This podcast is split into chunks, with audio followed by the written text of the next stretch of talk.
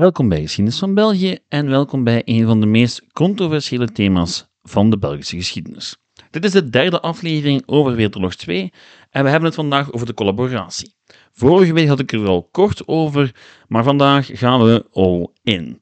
Verwacht u dus aan een zeer uitgebreide analyse over wat collaboratie nu eigenlijk is, wie, waarom, wanneer en hoe met de Duitsers in zee gingen en wat de uiteindelijke gevolgen zouden zijn. Het VNV, Rex, de zakenlieden, allemaal passeren ze de revue. Dat en nog veel meer in deze aflevering van Geschiedenis van België.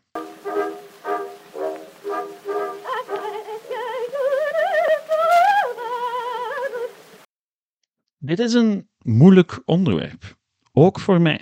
In deze podcast probeer ik meestal om een heleboel informatie tot zijn essentie te herleiden, zonder daarbij nuance te verliezen. En ik geef toe, dat is een stuk moeilijker als je al heel veel weet over een onderwerp. Want dan loop je immers het gevaar om elk in jouw hoofd superbelangrijk detail uit te verzorgen. Hoewel het misschien niet zo heel belangrijk is voor het globale beeld en om gewoon te begrijpen wat er aan de hand was. Dus ja, dat ga ik misschien wel doen tijdens deze aflevering. Want ik ben zoals veel mensen opgegroeid met herinneringen aan Wereldoorlog 2. Niet die van mij, maar die van mijn grootvader. Inclusief zijn redelijk uitgebreide bibliotheek trouwens, over Wereldoorlog 2. Ik neem deze aflevering trouwens op in die bibliotheek. En ik word aangestaard door een heleboel boeken die net over dat onderwerp gaan. Nu goed, mijn grootvader was vooral bezig met het militaire geweld. En door de jaren heen begon ik me steeds meer te interesseren in de collaboratie. Enerzijds omdat er af en toe nog wel eens over gebruld werd in de politiek, en anderzijds omdat die dekselse waarom-vraag nog maar eens de kop opstak. Bij gevolg zal ik ook mijn masterthesis aan de Universiteit van Gent ook volledig aan de collaboratie wijden. Om het niet al te theoretisch te houden, ga ik vandaag hier en daar collaborateurs aan het woord laten. Wel, ik ga fragmenten voorlezen van het bewijsmateriaal dat ik doornam tijdens mijn masterthesis. De mannen waar het om gaat blijven hier anoniem, maar wie dat echt wil, kan alles, inclusief de namen, nalezen in mijn thesis. En die thesis vormt de basis van deze aflevering. En bij gevolg wordt het een heel uitgebreide aflevering. Mijn thesis was degelijk en goed, maar ja, geen ultiem academisch hoogstandje, anders had u er wel al van gehoord. Dus um, het is altijd goed om extra literatuur op te zoeken. Ik ga ook enkele suggesties geven op het einde van de aflevering. Het is niet zo dat u na een uur van deze aflevering, want ja, het zal een uur duren, uh, het is niet zo dat u na dat uur alles weet. Het blijft een ongelooflijk boeiend en complex onderwerp waar immens veel onderzoek naar gebeurd is. Um, zowel op nationaal vlak, maar ook op Europees vlak, ook op regionaal en lokaal vlak, is er zoveel te lezen, zoveel te ontdekken. Dus ook al is deze aflevering heel erg uitgebreid, er is nog zoveel meer. Goed, dat gezegd zijnde, gaan we eraan gaan beginnen. Eerst nog een klein woordje over mijn thesis. Mijn thesis focuste eigenlijk op de repressie, op wat er na de oorlog gebeurde met die collaborateurs. En vooral over hoe men na de oorlog probeerde een juridisch oordeel te vellen over de collaboratie. Nu, deze aflevering gaat dan ook niet enkel over de collaboratie, maar evengoed over de repressie. Zij het niet super uitgebreid, want ik ga er in een volgende aflevering ook nog wel dieper op ingaan. Oké, goed. Laten we terugkeren naar de waarom-vraag. Waarom was er collaboratie? Waarom zou je dat doen en hoe kwam je daartoe? Nu, eenvoudige antwoorden zijn er natuurlijk niet, maar ze bestaan wel ergens. En daar gaan we vandaag naar op zoek. En beginnen doen we dan ook met de context en het hele verhaal van de collaboratie van A tot Z. Er zit wat herhaling in, hè, want ik heb het er wel over gehad in vorige aflevering, maar dat ik vind dat deze aflevering op zichzelf moet staan, laat ik dat dus ook toe. Oké, hier gaan we. Op 10 mei 1940 zette Duitsland eindelijk de aanval in op België. Eindelijk, want deze aanval werd verwacht sinds 1 september 1939.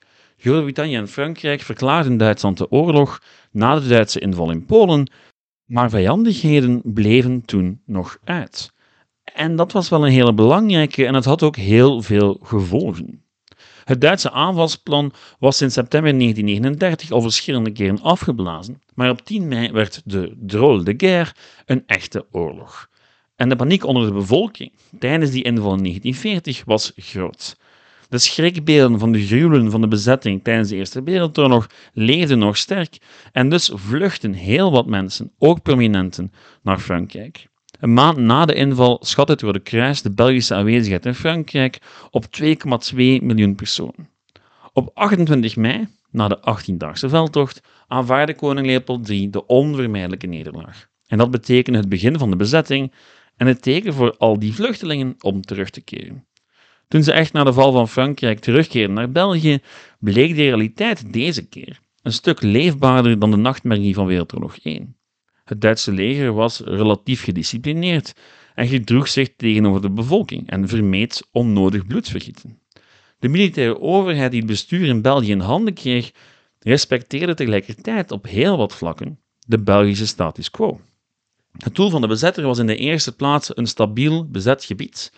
En die bezetter liet dus ook vaak gewoon de boel de boel. Dat, in combinatie met de teleurstelling over de snelle terugtrekking van de geallieerden, leidde tot een ja, niet zo heel erg vijandige positie tegenover die Duitse bezetter. Meer zelfs. Men leek zich neer te leggen bij de gang van zaken. Paul Struyen zal later het volgende zeggen over die houding tijdens de oorlog. La victoire allemande leur apparaissait comme inéluctable. Ils furent amenés à envisager comme seule attitude réaliste, sinon digne, un ralliement rapide autour du vainqueur. Oftewel, ja, de Duitse overwinning leek simpelweg onvermijdelijk en kon men zich er dan niet beter bij neerleggen. Nu, die aanvaarding bleef niet duren. Want eind juni 1940 ging het grote publiek er dan vanuit dat met de nederlaag van Frankrijk de oorlog voorbij was. Maar naarmate de maanden vorderden, begon dat beeld toch te veranderen. Het voortgezette verzet van de Britten in de Battle of Britain in 1940 liet zien dat de Duitsers dan toch niet onoverwinnelijk waren. En die twijfel zette zich voort naarmate de Britten in Noord-Afrika opnieuw voet aan de grond kregen. De oorspronkelijke gelatenheid maakte bij sommigen zelfs plaats voor een hernieuwd patriotisme. En daarnaast liet de overheid zich ook steeds meer voelen aan gewone burgers. Want ja, het leven ging niet zomaar verder. Het bestuur van België was van juni 1940 tot juli 1944 in handen van een Duits militair bestuur, de Militärverwaltung. En deze was zelf in een machtsstrijd verwikkeld met de SS. Een machtsstrijd die de SS trouwens zou winnen op het einde van de oorlog. Nu, dat had heel veel gevolgen. De machtsstrijd ging eigenlijk over wat het lot van België zou zijn. En het had heel veel impact op de houding van VNV en Rex, de twee belangrijkste collaborerende politieke partijen, tegenover de bezetter. Want de verordeningen van de militaire verwalting maakten duidelijk dat de bestuurlijke autonomie volledig verleden tijd was. En daarbovenop werd de impact van de bezetting heel duidelijk voelbaar door maatregelen als inkwartiering, rantsoenering, avondklok, verplichte verduistering enzovoort. En in de winter van 1940 was er daarbovenop ook nog eens een voedseltekort. Dus ja, ook al waren de oorzaken meerduidig, de bevolking had een hele duidelijke schuldige in haar achterhoofd: de Duitsers. En eerlijk gezegd werd het enkel en alleen erger naarmate de oorlog vorderde. Maar het is niet zo dat de bevolking eenzijdig een kant koos. Integendeel, de grootte van de maatschappij zou gewoon de hele oorlog lang neutraal blijven. En een ander deel zou radicaliseren. Richting collaboratie en richting verzet. Nu, die radicalisering naar collaboratie gebeurde toen al op een redelijk grote schaal. De Duitse militaire overheid had immers een duidelijk doel voor ogen met die collaborateurs. Het was immers haar belangrijkste doel om de stabiliteit van het land te bewaren. En ja, als je dan collaborerende organisaties kon gebruiken in jouw bestuur, dan kwam dat goed uit. Vooral omdat je de klassieke elite aan de kant kon schuiven. En partijen als het VNV, de Vlag en Rex deden vooral aan politieke propaganda, aan recrutering, aan informatievergaring, terwijl een groot deel van het klassieke overheidsapparaat gewoon in stand werd gehouden. En de klassieke politieke elite probeerde zich aan te passen aan de bezetter, wetende dat ja, het VNV en Rex en Co. klaar stonden om de macht te grijpen. Iets wat hen niet gelukt was met democratische middelen in de jaren 30, maar waar ze nu wel kansen toe zagen. Op 7 maart 1940 volgde een sleutelmoment voor de collaboratie in België, met de Überalterungsverordnung. En die maatregel lijkt heel eenvoudig en heel onschuldig, maar dat was ze zeker niet. Ze zou immense gevolgen hebben. De maatregel ging als volgt. Elke publieke functionaris, ouder dan 60, op welk niveau dan ook, moest verplicht ontslag nemen. En natuurlijk was het ambtenarenapparaat en het functionarischenapparaat in België heel erg verouderd. En het betekende dat er plots een heleboel mandaten waren op alle niveaus. Mandaten die werden ingevuld door collaborateurs. En in vele gemeenten leidde dat tot een wijziging van het gemeentelijk personeel en vaak ook tot de vervanging van de burgemeester. Het betekende dat VNV en REX, de twee belangrijkste collaboratiepartijen, via hun vele lokale en provinciale mandatarissen voor het eerst echte macht in handen kregen. En hoe het VNV zich inzette komt later nog terug, maar ze wouden zichzelf echt onmisbaar maken. Want de hoop was dat ze daardoor vroeg of laat over een onafhankelijk Vlaanderen zouden kunnen regeren. Maar zover zou het natuurlijk nooit komen. En daardoor werd men na de oorlog met een groot probleem geconfronteerd. Men moest immers uitleggen waarom men dat allemaal had gedaan. En het argument dat heel vaak werd gebruikt, zowel door echte collaborateurs of mensen die het nooit zo bedoeld hadden, was de politiek van het minste kwaad. Een argument waar bepaalde delen van de maatschappij ook echt wel gevoelig voor waren. Want ja, economische, politieke, religieuze en bestuurlijke prominenten werden ja, geconfronteerd met de aankomst van de bezetter en het dilemma dat daarbij hoorde. Meewerken betekende collaboreren. En gezien de vaagheid van de Belgische wetten over collaboratie, stelde men, men zich daarbij ook al snel bloot aan naoorlogse vervolging. Vaak was men ook ideologisch niet geneigd om enige medewerking te verlenen. Maar niet meewerken betekende vaak het verliezen van de eigen positie en een hard beleid opgelegd door de bezetter. Neem nu de economische sector, waar men een Duits beleid zoals in de Eerste Wereldoorlog vermijden wou door mee te werken. De Galopijn-doctrine, weet u nog, van vorige week? Swat, dat was dus meewerken om erger te vermijden. Een schoolvoorbeeld van de politiek van het minste kwaad.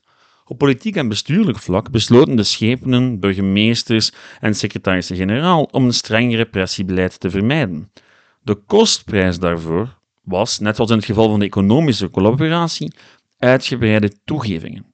Bestuurders bevonden zich in een constante staat van onderhandeling met de bezetter, die de grenzen van medewerking, naarmate de oorlog vorderde, steeds verder opschoof.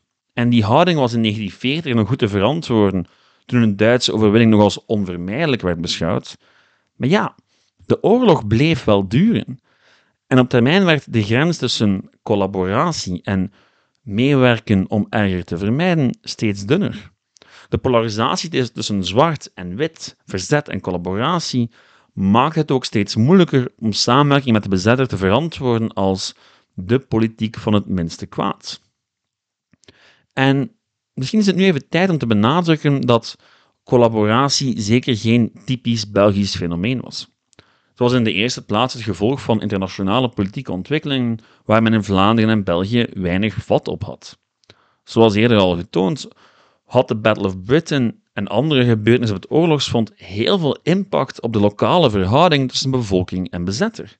Neem je de eenzijdige beslissing van Hitler om de Sovjet-Unie binnen te vallen op 22 juni 1941. Dat had immense gevolgen voor België. Want ja, er was immers bij de katholieke, conservatieve rechtse bevolking van Vlaanderen een hele grote afkeer voor het communisme. En al in de jaren 30 waren de spanningen tussen links en rechts heel hoog opgelopen. Ook in Wallonië trouwens. En in Vlaanderen zette de katholieke kerk zich toen met alle mogelijke middelen af tegen het rode gevaar. Dus eens er oorlog was met Duitsland, maakte de bezetter daar handig gebruik van als propagandamiddel. Want ja, niet voor de nazi's zijn betekent dat je voor de Bolsjewieken was. En natuurlijk zijn we dan ook gaan ronselen voor de strijd aan het Oostfront. Een strijd die werd voorgesteld als een nobele kruistocht tegen het Bolsjewisme. En heel wat jonge mannen gingen daarin mee. En het waren niet alleen de mannen die daar gingen gaan vechten in Rusland, maar ook veel mensen rondom hen, die hen aanzetten, die hen probeerden te inspireren. Of ja, gewoon propaganda maakten. Als je het vandaag bekijkt, zo lang, zoveel later. Laat mij een oorlogsburgemeester citeren tijdens de oorlog. Het zou laf en egoïstisch zijn de sympathie voor de strijders tegen het communisme te beperken tot het woord en niet uit te breiden tot de daad. Het zou oneerlijk zijn alleen Duitsland de strijd met het communisme te laten aanbinden en te vertrouwen op haar macht. Immers heel Europa staat op het spel en dus ook Vlaanderen. Dit soort speeches werd over heel België gegeven. En zowel het VNV als Rex zouden zich inzetten om mensen te ronselen. Te ronselen om te gaan sterven voor Nazi-Duitsland. In Rusland en Oekraïne. Nu, in het kader van het streven van de nieuwe ordepartijen naar de goedkeuring van de bezetter gingen ze dus heel ver. Want ja, er was een Vlaams en een Waals legioen dat een strijden trok tegen de Russen, respectievelijk geronseld door het VNV en Rex. Tijdens de oorlog bleven de wervingspogingen ook doorgaan, vaak ondersteund door lokale propagandacampagnes. Zij die naar het front vertrokken, werden vaak publiek gehuldigd. Zij die sneuvelden, werden onder evenveel aandacht en eerbetoon begraven. Raymond Tollenaar bijvoorbeeld, een prominent lid van het VNV, werd met alle egaars begraven. Er waren marsen ter zijn ere. Hij werd, ja, het was een martelaar van Vlaanderen, een martelaar van het katholieke geloof. Tegelijkertijd had die opening van het Oostfront ook andere gevolgen. Want plots werd er een deel van het verzet wakker dat zich tot dan toe heel rustig had gehouden, namelijk de communistische cellen. Eens Duitsland was binnengevallen, kwam het bevel van Moskou binnen om zoveel mogelijk ellende te veroorzaken. Het verzet werd dus plots een stuk groter en de strijd tussen collaborateurs en verzetstrijders kreeg dan ook een nieuwe en meer gewelddadige dimensie. Die polarisatie zou zich dan ook enkel doorzetten vanaf 1942. Een ander thema dat de gemoederen tijdens en na de oorlog hoog deed oplaaien, was de verplichte tewerkstelling. Een van de dingen die het comité Galopin wou vermijden. Tot 6 oktober 1942 was die tewerkstelling vrijwillig en hoopte men vooral werklozen te verleiden met een degelijk loon, sociale voordelen en arbeidsvoorwaarden. En dat lukte ook best goed. In mei 1941 stond de teller al op 179.855 vrijwilligers. Maar natuurlijk, de opening van het Oostfront maakte het plots veel minder aantrekkelijk om in Duitsland te gaan werken, want naarmate dat Duitse offensief vastliep, leek een Duitse overwinning plots een stuk minder waarschijnlijk. En ook toen al viel sommigen de analogie met Napoleon op. Daarbovenop werden Duitse industriesteden geconfronteerd met hevige bombardementen, die het risicogehalte de hoogte injoegen. De oorlog op het Oostfront stelde dan nog eens ook grote eisen aan het Duitse apparaat, dat nood had aan verse arbeidskrachten. Want ja, de Duitse jeugd, die was al weg om te gaan vechten tegen de communisten. Dus werd er heel veel druk gezet op de, de bezette gebieden om arbeidskrachten te leveren. En dat had een hele grote impact op de lokale politiek en de lokale verhoudingen tussen collaborateurs en de rest van de bevolking. Want ja, wie moest die arbeiders gaan ronselen? Wie moest die arbeiders verplichten? Dat, waren dat was de lokale overheid ook gewoon. Dus goed,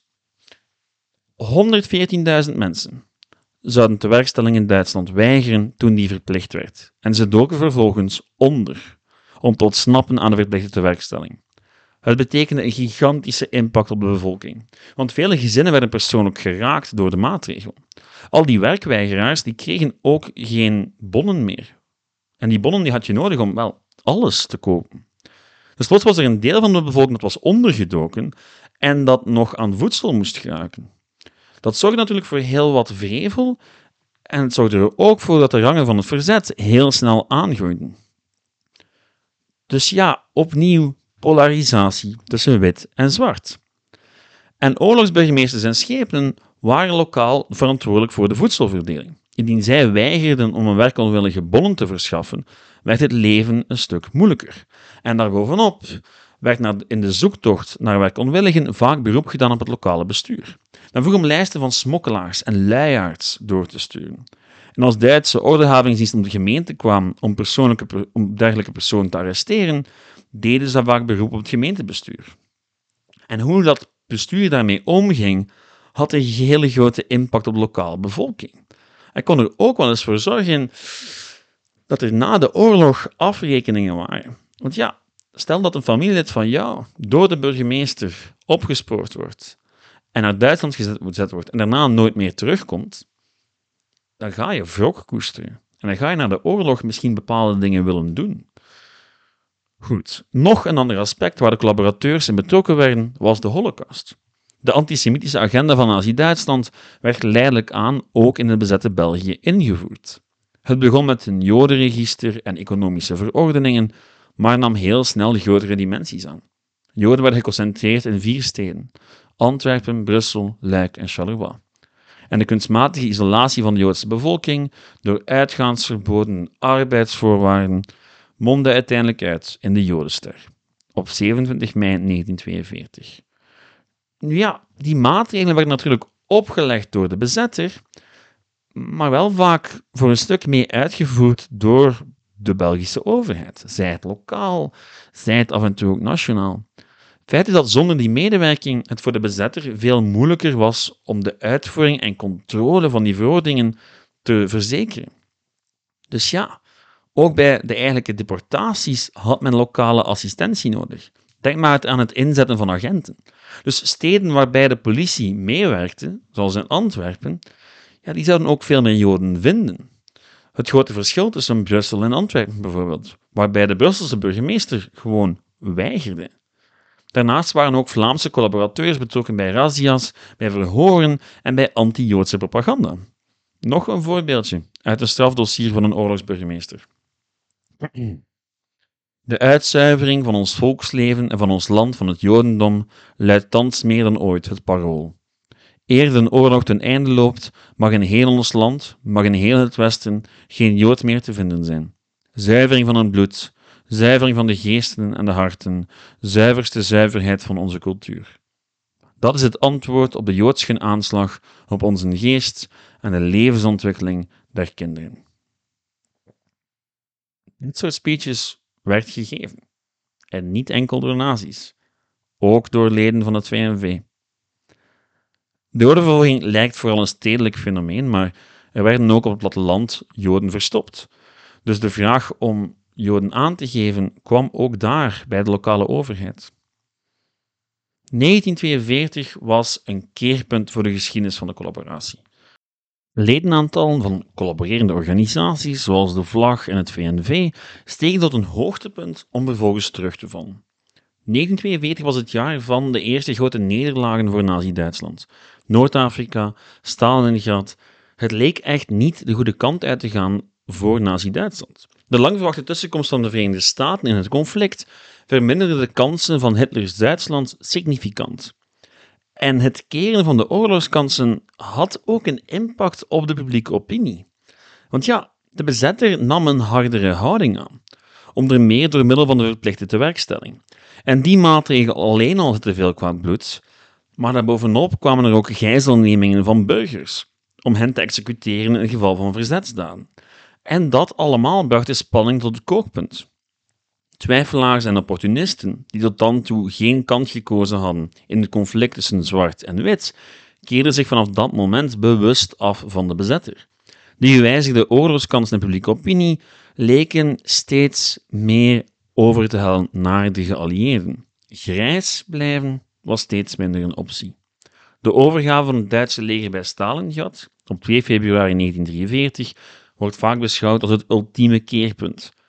En daar kan je veel over zeggen, maar zeker is dat het Duitse leger zich van dat moment af eigenlijk enkel nog terugtrok. Naarmate een Duitse eindoverwinning steeds verder weg leek, begon het ook wel duidelijk te worden dat er iets nieuws zou komen na de oorlog. De bevolking werd zich bewust van het nakende einde van de oorlog en keerde zich steeds meer tegen de bezetter en zijn medewerkers. Al bleven collaborateurs zich vaak tegen betere weten in tot het bittere einde inzetten en verzetten ook. Op 31 augustus vluchten velen uiteindelijk richting Duitsland. Nu, die vlucht bracht slechts even soelaas en een terugkeer naar België en de onvermijdelijke repressie volgden al snel. Maar dat is voor een andere aflevering. Ik zou hier kunnen stoppen, want ik heb het brede verloop van de collaboratie geschetst. Maar, ehm, wel, een kleine peiling op Facebook toonde al snel dat jullie zin hebben in een lange aflevering. Dus hier gaan we. Wat volgt is een meer in-depth discussie van wat collaboratie nu eigenlijk was binnen de Belgische context. En daarna, daarna krijgt u nog een heel concreet voorbeeld van een strafdossier dat ik zelf gebestudeerd heb tijdens mijn thesis. Goed, na de hele korte onderbreking komen we terug voor de nodige theorie.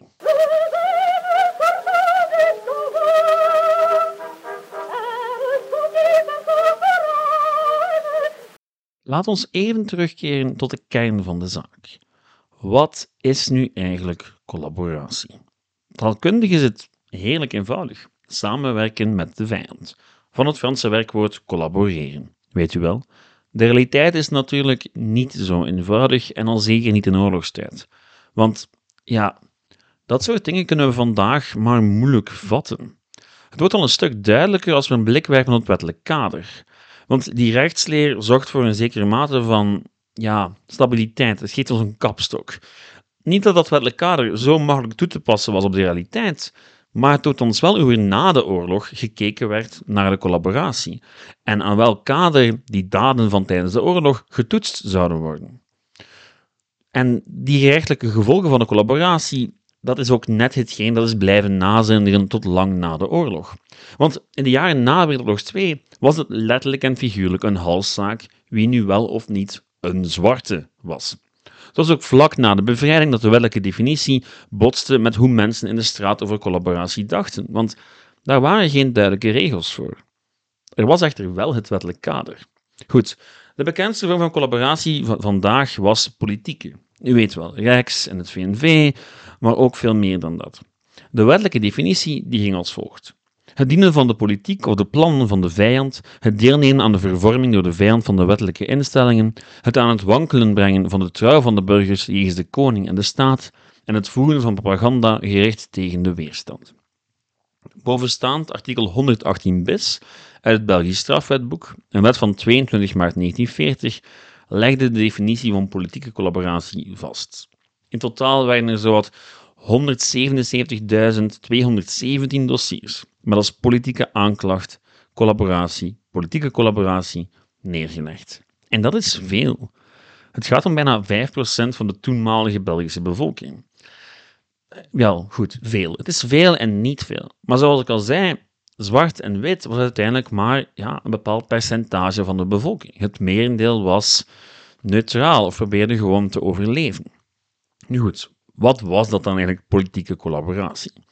Zoals u misschien al is opgevallen, laat het wetsartikel veel aan interpretatie over. Het resultaat is dat politieke collaboratie een erg breed fenomeen is. Het deelnemen aan de vervorming door de vijand van de wettelijke instellingen is een bewoording die vooral slaat op institutionele collaboratie. Het innemen van een plaats binnen dat nieuwe politieke stelsel onder de bezetter. Want ja, er waren wel heel wat mooie posities vrijgekomen na de bezetting. Een groot deel van het Belgische establishment had de benen genomen en plots waren er voor veel wat opportunisten kansen. Kansen waar ze in normale omstandigheden enkel van hadden kunnen dromen. Dan gaat het over burgemeesters, over schepenen, over gouverneurs. En de mensen die die functies invulden, werden bijna automatisch als collaborateurs beschouwd.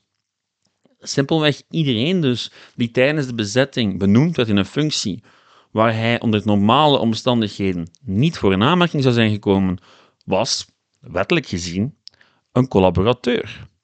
En velen maakten van de bezetting gebruik om eigen persoonlijke ambities te realiseren, al dan niet beseffend welke verregaande gevolgen dat zou kunnen hebben. En dan heb ik het niet enkel over politieke functies, maar evengoed over betrekkingen bij beroepsorganen, zoals de Orde der Geneesheren, corporaties enzovoort. Al die openingen moesten natuurlijk ingevuld worden, want vele instellingen en organisaties hadden na de Duitse inval te kampen met tekort aan capabel personeel. Instellingen die vaak essentieel waren voor het bestuur van het land. Dus waren de Duitsers dan ook vragende partij voor mensen die hun medewerking wouden verlenen. Wat ons trouwens tot een volgend probleem brengt. Het is moeilijk om te weten waarom mensen precies de collaboratie ingingen. Omdat ze opportunistisch waren en gewoon carrière wilden maken? Waren ze overtuigde idealisten? Geloofden ze in het nazisme? Of namen ze, zoals na de oorlog vaak beweerd werd, gewoon hun verantwoordelijkheid op? Later, tijdens de gerechtsprocessen, was dat vaak de grootste discussie. En als er dan plots documenten opdoken waaruit bleek dat de beklaagde in kwestie tijdens de bezetting zijn adoratie voor de nieuwe orde niet onder stoelen of banken had gestoken, ja, dan werd vrijspraak wel heel erg moeilijk. Feit dat het innemen van een positie binnen de nieuwe orde, zoals we dat politieke bestel onder de bezetting noemen, betekende dat men die verdedigde en dat men ook uiting gaf aan die mening. Want ja, men stond zelf in die nieuwe orde. En bij gevolg was de grens tussen propaganda en het verdedigen van de eigen positie dan ook flinterdun. Een voorbeeldje. De oorlogsburgemeester van Oosterrozenbeke sprak op een vergadering van het VNV van het arrondissement Tielt de verzamelde leden toe. En dat ging als volgt. Gij moet de wettelijke dragers zijn van de nieuwe ordening die over ons land en gans Europa waait. Gij moet overtuigd zijn van de zaak die gij dient, omdat ze u heilig is. De propaganda is onafhankelijk van omstandigheden. Kies zorgvuldig de persoon uit die gij bewerkt. Dit gaat enkel maar zo gij uzelf tot werkelijke dragers der nieuwe wereldbeschouwing vormt.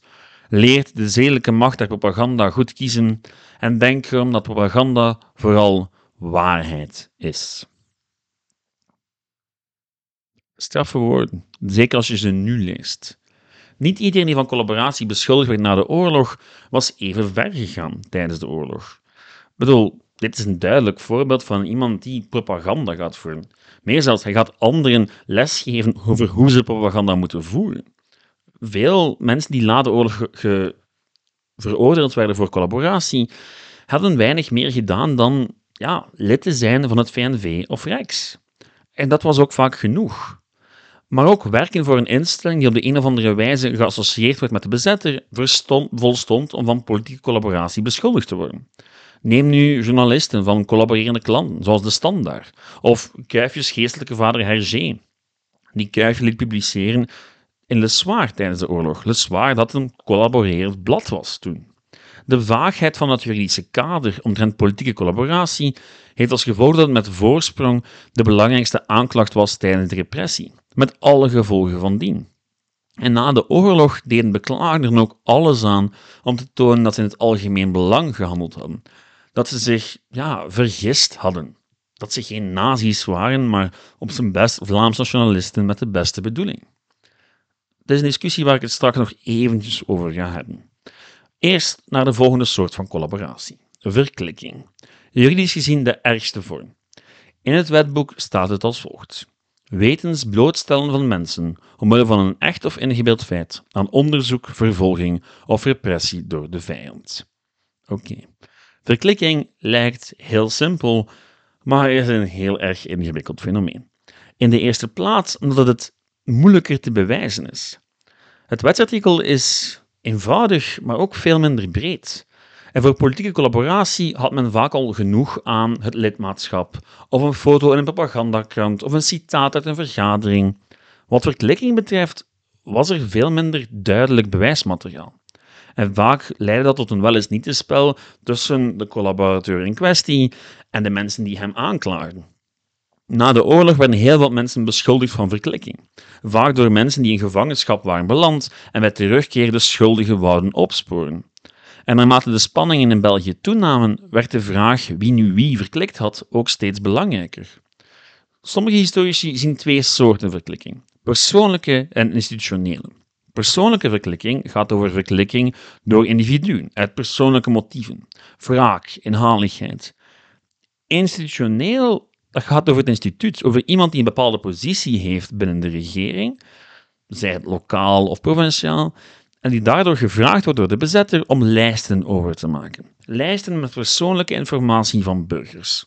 En die lijsten waren superbelangrijk voor de Duitsers, want ja, zo konden ze werkweigeraars, joden en verzetstrijders opsporen. En vaak ging het over het samenstellen van lijsten van werkweigeraars, anglofielen en nog veel meer. Burgemeesters probeerden die boot af te houden. Men probeerde dat te vermijden, Maar, zoals de toenmalige burgemeester van Nederswal moest bekennen, dan heb ik een lijst moeten opmaken, op bevel van de krijgscommandant te Aalst, met al de namen der mannen die een leveringsbevel hadden ontvangen en die er geen gevolg aan hadden gegeven. En zo een lijst heeft gevolgen. Mensen die daarop staan worden vaak opgepakt en verscheept naar Duitsland. Oftewel in een gevangenenkamp, ofwel voor verplichte arbeid. Maar dat kon heel veel gevolgen hebben. En als zo iemand stierf bij een bombardement door de Engelsen een jaar later, ja, wiens fout was het dan? Wie was er dan verantwoordelijk voor de dood van die persoon? Hoewel politieke collaboratie de meest bekende vorm is die ons nu nog bijblijft, had verklikking eigenlijk echt wel de grootste impact. De gevolgen bleven vaak decennia lang nazinderen. Goed, we hebben nog een vorm van collaboratie over. Meestal we hebben er nog twee over. Beginnen doen we met militaire collaboratie. In het wetboek gaat het als volgt. Iedere Belg die de wapens tegen België heeft opgenomen, wordt met een dood gestraft. Voor de toepassing van deze bepaling geldt als opnemen van wapenen tegen België het wetens vervullen voor een vijand van taken van strijd, vervoer, werk of bewaking die normaal op de vijandelijke legers op hun diensten rusten. Oké. Je kan misschien al afleiden uit die wettekst dat militaire collaboratie veel gezichten had. En in tegenstelling tot wat je logischerwijze zou denken als je het woord militaire collaboratie hoort, moest dat zeker niet beperkt blijven tot geuniformeerde wapendracht in Duitse loondienst. Helemaal niet zelfs. Het is wel zo dat natuurlijk Oostfronters, mensen die naar het Oostfront trokken om te vechten tegen de communisten, dat die zich sowieso schuldig maakten aan militaire collaboratie. Maar als je bijvoorbeeld een Duits vliegveld bewaakte, als lid van een Vlaamse collaboratieorganisatie, zoals de Vlaamse Wacht, dan was je ook schuldig aan militaire collaboratie. Alles wat ervoor zorgde dat het Duitse leger niet meer belast werd, was technisch gezien militaire collaboratie. Ook vervoer bijvoorbeeld. Stel, je hebt een klein bedrijfje van bussen of vrachtwagens en tijdens de oorlog ligt de economie plat en je gaat een paar van die vrachtwagens verhuren aan het Duitse leger. Wel, technisch gezien is dat al militaire collaboratie. Dus ja, het is een heel moeilijk dingetje. Alweer. Goed, nu, of er een aanklacht kwam of niet, dat hing af van de mate waarin men zich buiten zijn functie ten dienste stelde aan de bezetter. Denk aan de politie en de Rijkswacht. Politie en Rijkswacht die deelnamen aan operaties tegen het verzet, werkweigeraars en Joden, ja, die zouden na de oorlog vervolgd worden. Want dat soort zaken lagen nu eenmaal buiten hun normale werking. Als zij gewoon de jobs uitoefenden die zij moesten doen in een niet-oorlogssituatie onder de Belgische regering, ja, dan was er eigenlijk geen probleem. Zij deden gewoon hun job, hun werk. Zij behielden de status quo. Maar eens ze uit die gewone rol en de Duitse bezetter echt een handje toestaken en daardoor het hen makkelijker maakte, ja, dan was dat collaboratie. Maar je voelt dat die lijn voor velen toen niet zo duidelijk moet geweest zijn. Nu, naast de collaboratie van die normale politionele organisaties, waren er ook organisaties die tijdens de oorlog werden opgericht, vaak als deel van de nieuwe orde het Vlaamse legioen, het Waalse legioen en verschillende paramilitaire organisaties. En de militaire collaboratie werd dan ook wijdverspreid. Want er was werkeloosheid en goed, wie niet wou gaan werken in Duitsland, die moest op een andere manier iets vinden om te doen, om zich nuttig te maken. En ja, dan is zo'n aanbod om een uniform aan te trekken en deel uit te maken van zo'n organisatie op zich wel interessant. En je mag de rol van propaganda hierin natuurlijk ook niet vergeten. Er werd constant gehamerd op het feit dat men in een oorlog verwikkeld was tegen het bolsjevisme, tegen de linkse duivel. En dat werkte heel goed in ja, politiek conservatieve regio's. Dus dat speelde heel erg mee. En veel mensen die jongeren in de militaire collaboratie duwden, waren ook effectief overtuigd van dat idee. En anderzijds wisten ze, wel, als wij veel jongens kunnen leveren aan de bezetter, dan zullen wij misschien meer politieke macht verkrijgen. Want ja, de grote reden voor veel mensen om te gaan collaboreren was om zelf hun eigen beeld van wat België of Vlaanderen moest zijn te kunnen verwezenlijken. Oké, de laatste vorm van collaboratie, daar heb ik het vorige week al over gehad, economische collaboratie. In het wetboek gaat dat als volgt. Met de dood wordt gestraft. Hij die hen, de vijanden van de staat, helpt door het verschaffen van soldaten, manschappen, geld, levensmiddelen, wapens of munitie. Voor economische collaboratie werden opvallend weinig vonnissen uitgesproken. De definitie is zo breed dat er in theorie heel wat mensen aangeklaagd zouden kunnen worden en veroordeeld zouden kunnen worden. Maar er was duidelijk een verzoeningsgezinde koers, in tegenstelling tot politieke en militaire verklikking. Want eerlijk, na de oorlog was men weinig geneigd om de economische collaboratie heel zwaar te gaan bestraffen. De regering van Akker probeerde net een harde bestraffing actief tegen te gaan. Dat deed men in de eerste plaats door de besluitwet van, van 25 mei 1945 uit te vaardigen, waarbij de economische collaboratie beperkt werd tot enkele specifieke categorieën. Waarom was dat? Waarom was men zachter voor economische collaboratie dan voor militaire of verklikking of politieke? Wel, men had voor de Tweede Wereldoorlog goed nagedacht wat men nu eigenlijk wou. Want een beleid zoals in de Eerste Wereldoorlog, waar elke vorm van medewerking geweigerd werd, had hele grote gevolgen gehad. Tegen het einde van de oorlog had Duitsland zowat de hele Belgische industriële infrastructuur geplunderd, inclusief de gedwongen deportatie van arbeidskrachten. Dus ja, met dat in het achterhoofd wou men dat eigenlijk vermijden tijdens de Tweede Wereldoorlog. Dus was economische collaboratie voor een stuk ook gewoon toegelaten. Het comité Galopin reguleerde tijdens de bezetting in grote mate ook die economische samenwerking. En zowel industrieel in België zelf als de regering in ballingschap stonden daar ook achter. Het is dan ook maar logisch dat men bij terugkeer na de oorlog zacht was. Klinkt een beetje vreemd, klinkt ook nogal hypocriet. Het feit is dat de economie opnieuw in gang gestoken moest worden en dat men geen tijd wou verspillen aan het straffen van mensen die min of meer de richtlijn van de regering hadden gevolgd. Zwat, dat was het. De vier vormen van collaboratie. Oké, we gaan zo meteen verder met het laatste onderdeel van deze giga-aflevering, zijnde een concreet voorbeeld.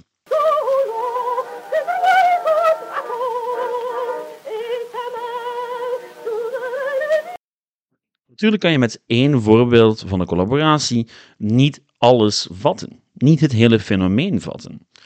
Nu, het maakt wel alles wat ik eerder al besprak een stuk tastbaarder.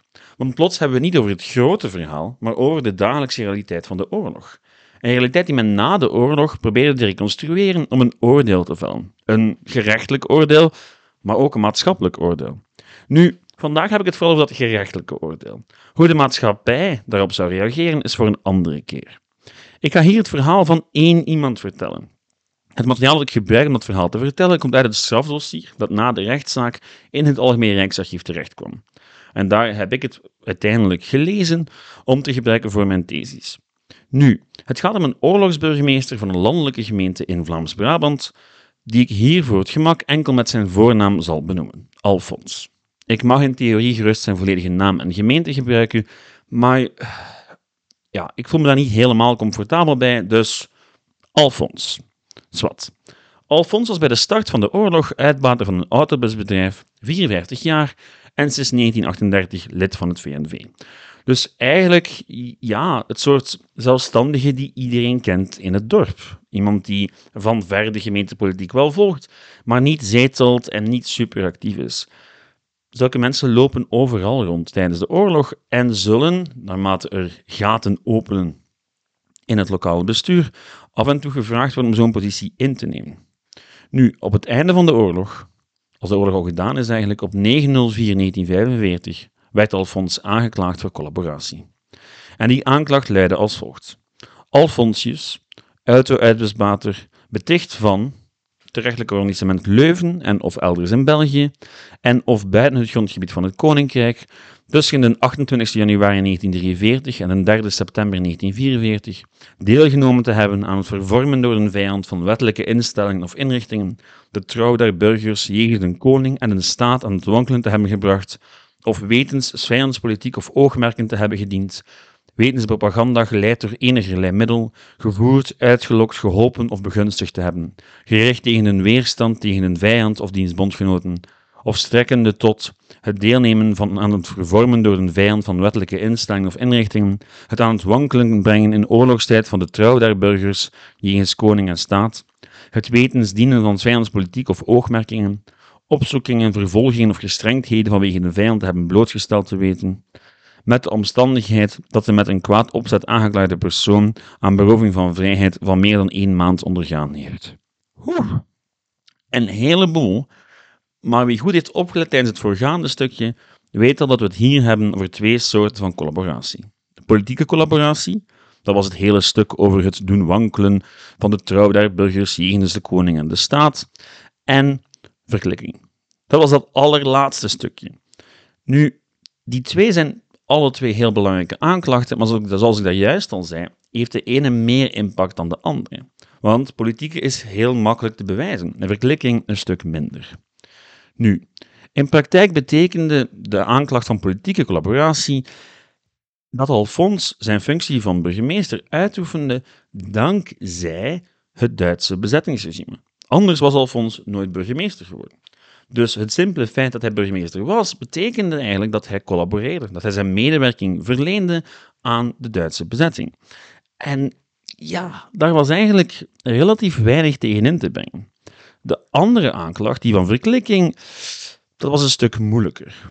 Want zo'n aanklacht van verklikking, ja, die is relatief concreet. En die sloeg in dit geval op de verklikking van één specifiek persoon, die als gevolg van de vermeende verklikking door Alfons van zijn vrijheid beroofd werd. Tijdens het proces echter zouden er nog gevallen van verklikking, wel, vermeende verklikking in elk geval, naar boven komen.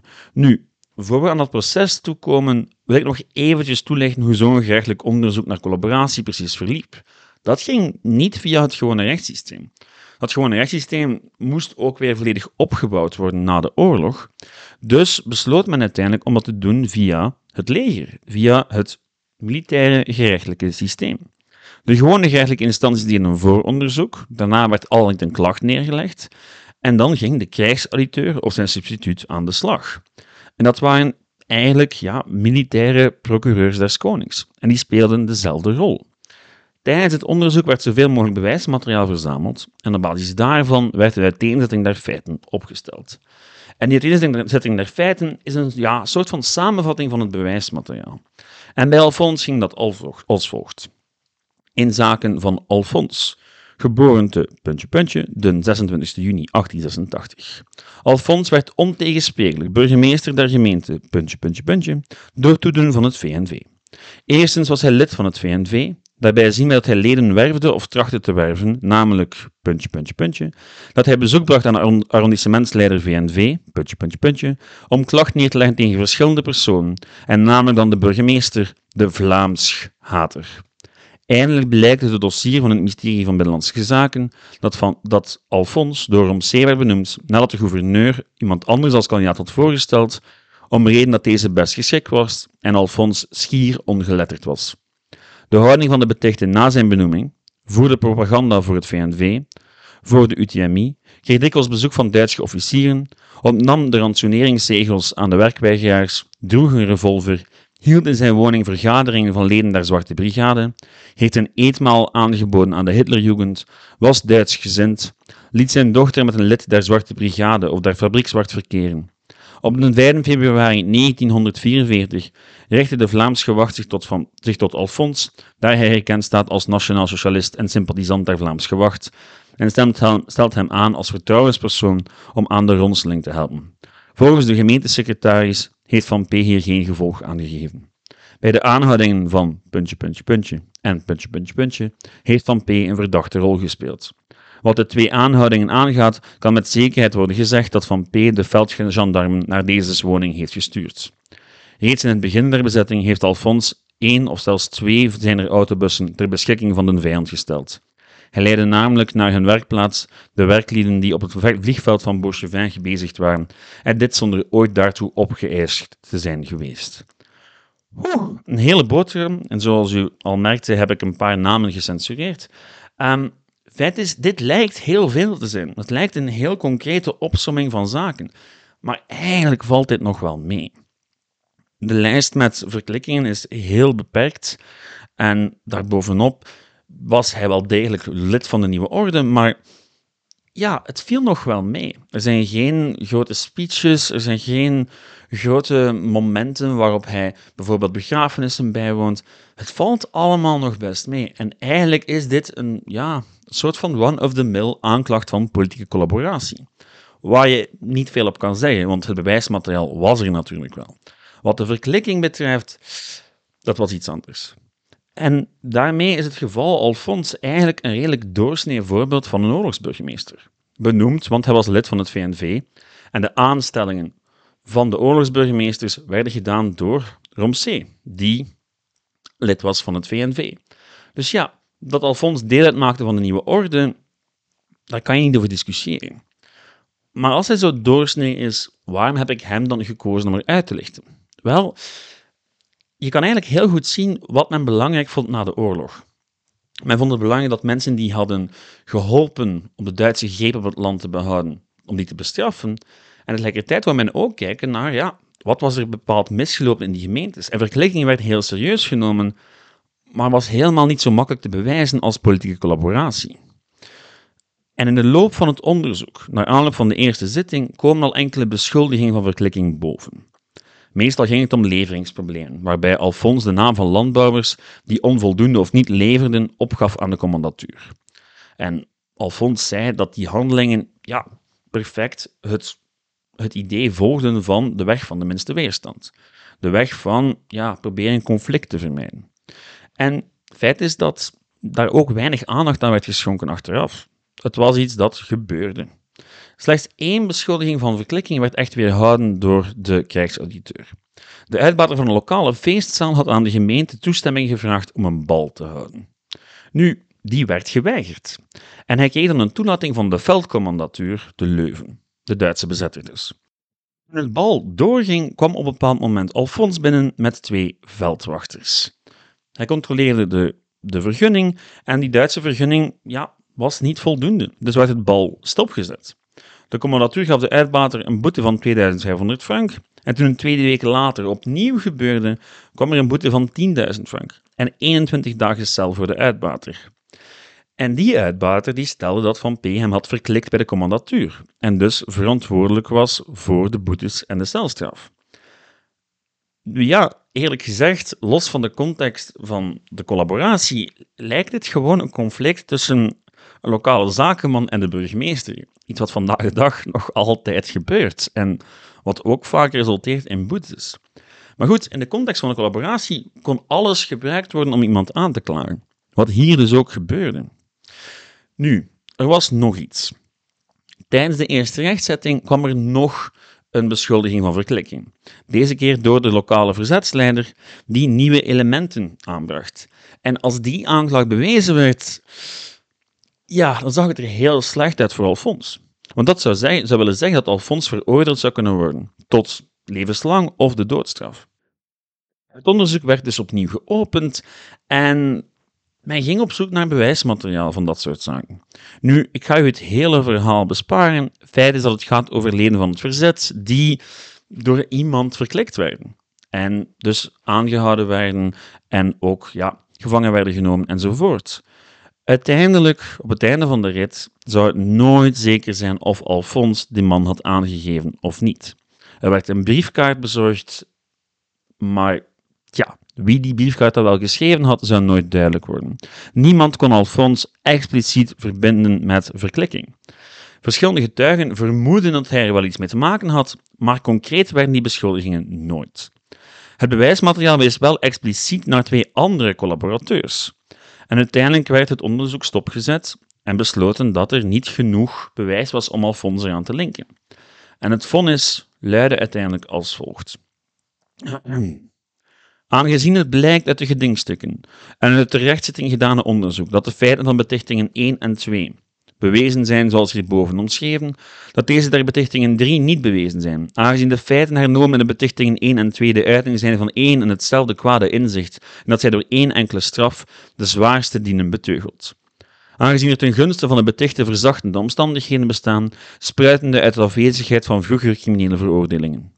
Op de publieke vordering verklaart Alfons schuldig aan de feiten hernomen in de betichting 1 en 2, veroordeelt hem uit die hoofden tot één enkele straf van vijf jaar gevangenisstraf, stelt hem vrij voor het overige van de tenlastelegging. Alfons werd dus veroordeeld tot vijf jaar gevangenisstraf. Hij werd ook uit zijn burgerrechten ontsteld en moest de kosten van de zitting betalen. 1371 frank. En dat valt eigenlijk best mee. In een volgende aflevering zal ik het ook nog wel hebben over de repressie. En dan ga ik verwijzen naar dit dossier. Want dit is een heel mooi voorbeeld van hoe de gerechtelijke repressie in elk geval niet super zwaar was en redelijk, ja, toch wel redelijk gebalanceerd was. Dat er een ander beeld ontstaan is in Vlaanderen over de repressie, dat is een heel ander verhaal en ook voor een andere keer. Feit is dat men enkel Alfons veroordeelde voor wat men echt kon bewijzen, zijn de politieke collaboratie. Voor de verklikking, tja, dat kon men nu eenmaal niet bewijzen. En de verklaringen van die feestzaluitbater en de veldwachter, die volstonden simpelweg niet. Goed, waarom heb ik dan dit nogal lange en niet super uitzonderlijke voorbeeld opgenomen in de aflevering? Wel, dat is nu eenmaal de realiteit van de collaboratie. Dat het allemaal vaak relatief saai is. Er is in, later zijn er heel extreme voorbeelden uitgepikt, en die zijn er ook wel, zeker. Maar ik wou een middelmatig voorbeeld nemen, omdat dit was nu eenmaal het verhaal van de collaboratie. Het was de dagelijkse realiteit van dorpen en steden. En daarin werden keuzes gemaakt die achteraf tegen het licht werden gehouden. Nu vind ik niet dat men zo streng was in de beoordeling daarvan, maar goed, ik ga het nog hebben over repressie. Zwat. Tot daar het verhaal van Alfons. Laten we terugschakelen naar mijn lievelingswoordje. Waarom? Waarom werd er überhaupt gecollaboreerd? Het is nu, lang na de feiten, makkelijk om in contrasten te denken over de oorlog, over collaborateurs en verzetstrijders, zwart en wit, goed en slecht.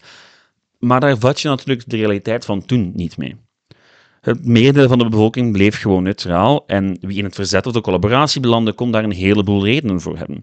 Van ideologie tot pragmatisme. En er zijn natuurlijk verschillende manieren van collaboreren. De ene al drastischer dan de andere.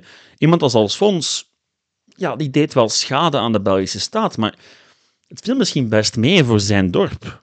En misschien was het wel goed dat er iemand was zoals hem. Wie weet. Het feit is dat het leven gewoon doorging en mensen gewoon probeerden om er het beste van te maken, zonder vaak echt na te denken over de mogelijke gevolgen voor henzelf of de mensen rondom hen. Nu, waarom er gecollaboreerd is, ja, dat is moeilijk. Je hebt natuurlijk een individuele verklaring, maar het feit is dat er ook heel wat organisaties meestapten. Denk aan het VNV en aan maar ook heel veel katholieken die ja, iets zagen in die nieuwe orde. Nu goed, wat had dat eigenlijk te maken met de Belgische democratie? Veel. Die partijen hadden geen vertrouwen meer in de Belgische democratie. Dat ze na het einde van de jaren 30 nog maar moeilijk electorale vooruitgang konden boeken, had daar veel mee te maken. Voor het VNV was er natuurlijk nog een extra factor: het Vlaams nationalisme. Maar het feit is dat beide factoren elkaar vonden in de loop van de jaren 30. Het Vlaams nationalisme kwam los te staan van de brede Vlaamse maatschappij, die toch best tevreden was, want de taalwetten waren ingewilligd. En tegelijkertijd konden de politieke leiders van Vlaams nationalisme ja, geen electoraal succes meer boeken. Dus was de nieuwe orde een oplossing. Door het verwerpen van de democratie als een legitieme vorm van bestuur kon men gewoon het leiderschap over Vlaanderen gaan opeisen. En dat zorgt ervoor dat men dan ook wel de kans greep, toen men die kreeg door de Duitse bezetter, om macht uit te oefenen. En hetzelfde gold eigenlijk ook voor Rex. De wil om macht uit te oefenen was dus groot bij die partijen. En die ontwikkelingen namen vorm in de jaren 30 en verklaren de snelle keuze. Maar goed, dan hebben we het over ideologische en politieke collaboratie. Maar dat excuus van de nieuwe orde, dat excuus van de strijd tegen het communisme, ja, gaat ook de legitimering vormen voor economische en militaire collaboratie. Hoezeer men ook individuele ambities had en daarom dingen deed, men schreef zich vaak in in het verhaal van de nieuwe orde om de keuze te legitimeren. Om te zeggen, daarom doe ik dit, omdat het beter is voor mij, maar ook vooral voor, voor jullie, voor mijn familie, voor mijn dorp, voor mijn land. Dus ja, het is een ingewikkeld kluwen en ik denk niet dat ik het nu heel duidelijk aan het uitbrengen. aan het uitleggen ben. Soms stond men ideologisch helemaal achter de nieuwe orde, soms was men vooral pragmatisch en dacht men aan het eigen belang, en soms was de politiek van het minste kwaad misschien inderdaad de belangrijkste motivatie. Feit is dat het een vreselijk ingewikkeld fenomeen is en blijft. En dat er nog veel meer over te vertellen valt dan ik hier al gedaan heb. Want laten we eerlijk zijn, dit was een veel te lange en nogal verwarrende aflevering. Het is gewoon te veel. En een poging om alles te vatten, zoals ik een beetje geprobeerd heb vandaag, ja, die mislukt sowieso. Wie meer details weet over wat ik vandaag vertelde, wijs ik graag door naar mijn masterthesis. Link staat in de descriptie. Wie meer weten wilt over motivaties van de collaboratie en de collaboratie in het algemeen, wijs ik door naar het werk van Aline Sachs en Koen Aarts. En er is natuurlijk ook de uitstekende canvasreeks Kinderen van de Collaboratie. Feit is, er is ongelooflijk veel gepubliceerd, zowel lokaal, regionaal als nationaal, over de collaboratie. Er is ongelooflijk veel terug te vinden. Ehm, ik kan heel veel thesissen aanraden. Ik kan hier echt nog heel veel over praten. Maar er bestaat geen definitieve eindconclusie over de collaboratie. Die zal ook nooit bestaan. Daarvoor is het een te ingewikkeld fenomeen. Goed, ik heb mijn best gedaan. Hopelijk hebt u er iets aan gehad. Wilt u reageren of vragen stellen? Dat kan op de Facebookpagina, um, de Discordpagina die u via de website kan vinden. Daar ga ik ook een, um, iets openen waarover gepraat kan worden. Dat lijkt mij ook heel interessant.